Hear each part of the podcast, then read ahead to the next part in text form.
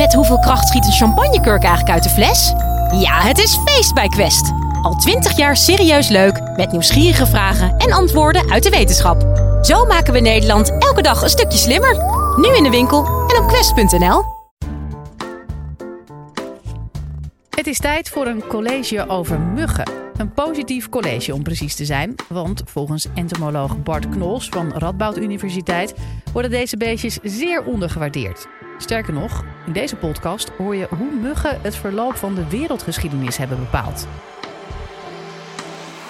Dit is de Universiteit van Nederland. Ik heb, een, eh, ik heb een vraag. En die vraag die ga ik jou stellen. Heb jij wel eens gehoord van een meneer met de naam Alfred Russel Wallace? Nog nooit. Ik ga u terugnemen naar februari 1858. En ik neem u mee naar een diepe jungle op het eiland Celebes, tegenwoordig Sulawesi in uh, Indonesië. En daar werkte deze man, toen was hij nog een stuk jonger, een jaar of 35. Daar werkte Alfred Russel Wallace. En wat deed Wallace daar in die diepe jungle? Hij verzamelde dieren. Allerlei verschillende soorten dieren. Vleermuizen, andere zoogdieren, vogels, maar vooral insecten. Hij was gefascineerd door insecten. Hij verzamelde in zijn hele leven meer dan 126.000 dieren. Alleen al 80.000 daarvan waren kevers. En die verscheepte hij naar de British Museum of Natural History in Londen. Dat was zijn baan, dat was zijn werk. En daar verdiende hij een schamel loontje mee. Maar Wallace was gefascineerd. Hij was gefascineerd door verschillende diersoorten. En Wallace die zag eigenlijk dat vlinders, die die vingen, die die prepareerden, die leken behoorlijk veel op elkaar. De een had een vlekje op deze vleugel, de ander had een vlekje daar, een streepje hier. En het fascineerde hem hoe die soorten allemaal waren ontstaan. En in die tijd heerste eigenlijk de evolutietheorie van de bekende Franse bioloog Lamarck. En Lamarck had eigenlijk het idee gevormd dat eigenschappen die verworven worden gedurende het leven, dat die overerfbaar zijn op het nageslacht. Dus ik ben een eh, bodybuilder en dat betekent dat mijn kinderen meteen sterker worden. Dat is natuurlijk niet zo. Maar dat is wel hoe we op dat moment tegen de evolutietheorie aankeken. En Wallace was degene die speelde met het idee van zou het ook misschien wel eens iets anders kunnen zijn. En Wallace zit daar op een gegeven moment op een avond, diep in die jungle, voor zijn huis. En hij wordt dan plotseling gebeten door een mug. En op het moment dat hij gebeten wordt door die mug, die hem in zijn nek bijt, komt de mug aangevlogen. En we kijken dichterbij en we kijken naar de monddelen van die mug. En we halen de huid ervan af en we zien de haarvaatjes onderhuids. Dan eigenlijk wat er gebeurt is, die mug die versnijdt met haar stiletten, versnijdt ze die haarvaatjes. En ze maakt een poeltje van bloed. En ze injecteert speeksel om het stollen van het bloed tegen te gaan. En met het injecteren van dat speeksel injecteert ze ook de malaria-parasiet, de sporozoïd. En die verdwijnt binnen een half uur nadat die beet heeft plaatsgevonden in de lever. Hier zien we de parasiet aankomen in de lever van Wallace. Je merkt nog niks, je voelt je nog helemaal prima. Maar die parasiet die gaat zich inkapselen in levercellen, in je hepatocyten. En waar er eentje binnenkomt, gaat er na een tijd, over een tijdsbestek van 10 tot 14 dagen, gaat die zich vermeerderen. 1, 2, 4, 8, 16, en dat gaat zo maar door. En waar er één spoorzoïd binnenkomt, heb je uiteindelijk tienduizenden parasieten die die cel helemaal vullen. Stampensvol met parasieten. En uiteindelijk na die periode, dan gebeurt het, dan breekt die cel die breekt open en worden al die parasieten in één keer afgegeven aan je bloedbaan. En je lijf slaat op tilt. Je krijgt een hoge koorts. De typische malaria-koorts. En hier zie je die parasieten door de bloedbaan racen. En die worden natuurlijk aangepakt door je immuunsysteem. En daarom zijn ze heel slim. Ze verdwijnen voor jouw immuunsysteem in je rode bloedlichaampjes. De parasiet kruipt in de rode bloedcel en gaat zich daar in een tijdsbestek van drie tot vier dagen opnieuw vermenigvuldigen.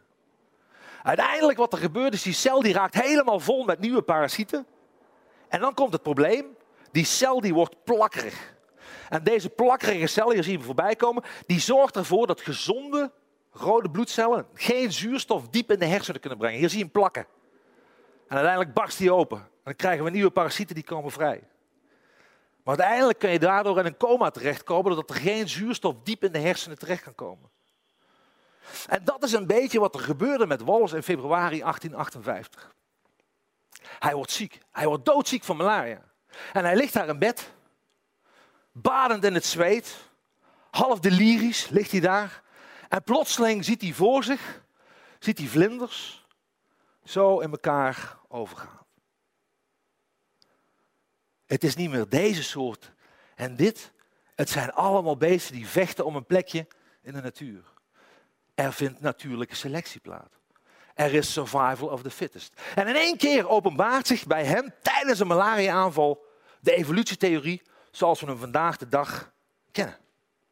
Hij neemt kinine en de dag daarna schrijft hij meteen in een 4000 woorden essay, schrijft hij alles op papier. En hij noemt dat On the Tendency of Varieties to Depart Indefinitely from the Original Type. De tendens voor soorten om zich altijd maar opnieuw te blijven ontwikkelen. En dat klopt natuurlijk volledig. En hij stopt dat hele essay stopt hij in een brief en dat stuurt hij op met een schip. Komt aan in Engeland in juni 1858. Bij wie? Bij deze meneer. Bij Charles Darwin. En Charles Darwin die schrikt zich natuurlijk kapot, want hij zat al jaren op zijn evolutietheorie te broeden, maar was bang om daarmee naar buiten te komen voor repercussie die hij verwachtte vanuit de kerk. Maar de brief van Wallace zette uiteindelijk Darwin aan om aan de slag te gaan en uiteindelijk zijn boek On the Origin of Species uit te brengen in november 1859, ruim een jaar later. Het beroemdste boek in de biologie valt uiteindelijk terug te brengen.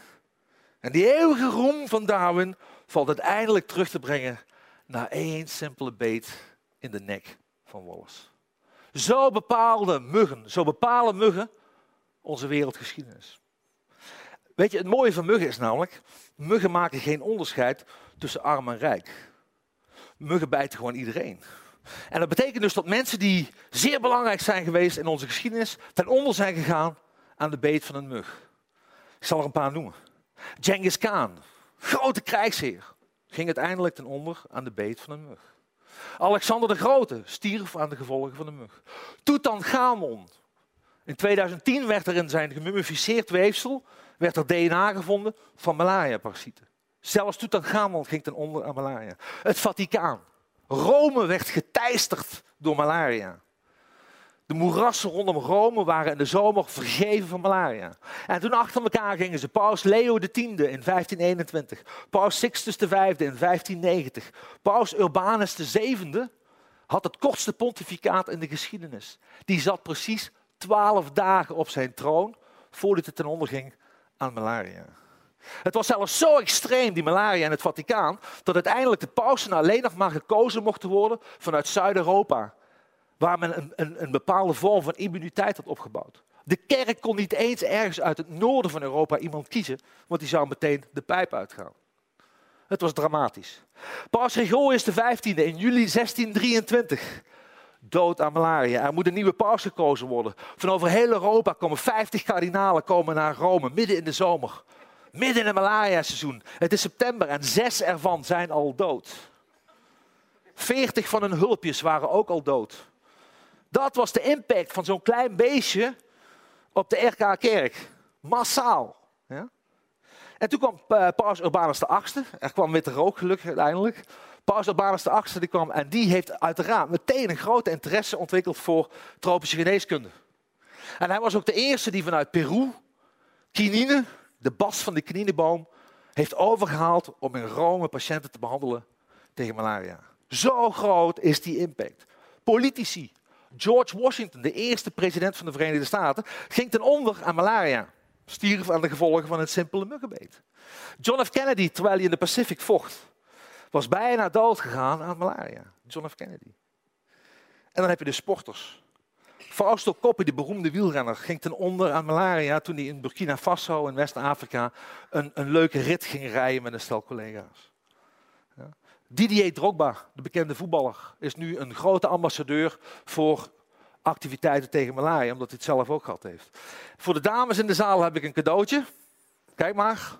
Deze meneer was ook bijna ten onder gegaan aan malaria, George Clooney. Toen hij in 2011 in Soudaan uh, waarnemer was bij de verkiezingen. George ging bijna ten onder. Voor de heren heb ik ook een cadeautje meegebracht. Namelijk Cheryl Cole, die in 2012 bijna ten onder ging aan malaria toen ze op uh, vakantie was in Tanzania. Het mooie van dit verhaal is dat de dag nadat Cheryl malaria had, waren er 50.000 websites wereldwijd waar gepraat werd over malaria. En ik heb toen ook meteen een verhaal geschreven. Thank you, Cheryl. Dat zijn namelijk hele goede ambassadeurs voor onze koers, voor waar we mee bezig zijn. Het Panama-kanaal, het grote Panama-kanaal, heeft zwaar te lijden gehad onder muggenziekte. Het grootste bouwproject ooit, waar de Fransen in 1869 het Suezkanaal hadden gegraven, grotendeels in de woestijn, dachten de Franse chauvinisten zoals ze zijn, we gaan ook wel eventjes dat andere kanaal graven. Maar het was voor de tijd dat we wisten dat ziekten als gele koorts en malaria worden overgedragen door muggen. 22.000 Fransen, ingenieurs en hun familie zijn ten onder gegaan in Panama ten tijde van het graven van het Panama-kanaal. Het project ging zelfs bankroet. Ze hebben er in totaal uh, eh, 287 miljoen dollar ingestoken en uiteindelijk ermee gestopt. En de Amerikanen hebben het pas later afgemaakt nadat we wisten um, hoe malaria wordt overgedragen. In maart 42, maart 1942 vallen de Japanners vallen Nederlands-Indië binnen. En waar vallen ze binnen? Op Java. Waarom Java? Want wij Nederlanders hadden op dat moment de grootste quinineproductie ter wereld in handen. Op het eiland Java verbouwden wij kininebomen. 90% van de wereldproductie hadden wij Nederlanders. En de Jappen die vielen binnen. En die hadden dus in één keer toegang tot eigenlijk alle kinine in de wereld. En de rest was afgesloten ervan. Dus toen in 1943 de geallieerden in de Pacific begonnen op te rukken richting Japan, was het een hel op aarde. Ze begonnen op het eiland Guadalcanal, in de Solomon-eilanden. En twee van de drie soldaten die daar vochten, waren überhaupt niet fit om te vechten. Lagen in bed met malaria, muggenbeet. En eigenlijk moet je erover nadenken van wat gebeurde er in die tijd. In die tijd in Amerika was men heel naastig op zoek naar hoe we een atoombom kunnen maken. Er waren 130.000 mensen in de VS bezig met het ontwikkelen van een atoombom in die tijd. En daar in het Pacifisch front, daar zijn die geallieerden bezig met het oprukken naar het noorden. Maar ze worden tegengehouden door die mug, door die muggenziekte. En als nou die geallieerden daar eerder hadden kunnen oprukken richting Papua Nieuw-Guinea en de Filipijnen hadden kunnen bevrijden, was waarschijnlijk de capitulatie van Japan veel eerder gekomen. Misschien zelfs zoveel eerder dat het Manhattan-project, de ontwikkeling van de atoombom, niet op tijd was klaar geweest. En dus waren er op 6 en 9 augustus 1945 geen twee atoombommen gevallen op Hiroshima en Nagasaki. Het kan toch niet zo zijn dat we de atoombommen kunnen linken aan muggen? Maar het is interessant om erover te speculeren. De mug en atoombom. We hebben het hierover gehad. Hebben ze nou het verloop van de geschiedenis bepaald? Absoluut. Als ik u die voorbeelden geef van hoe de kerk, bouwprojecten, politici, hoe die allemaal ten onder zijn gegaan aan een simpele beet van een mug, dan mogen het evident zijn dat muggen een belangrijke stempel hebben gedrukt op onze wereldgeschiedenis. En dat nog steeds doen.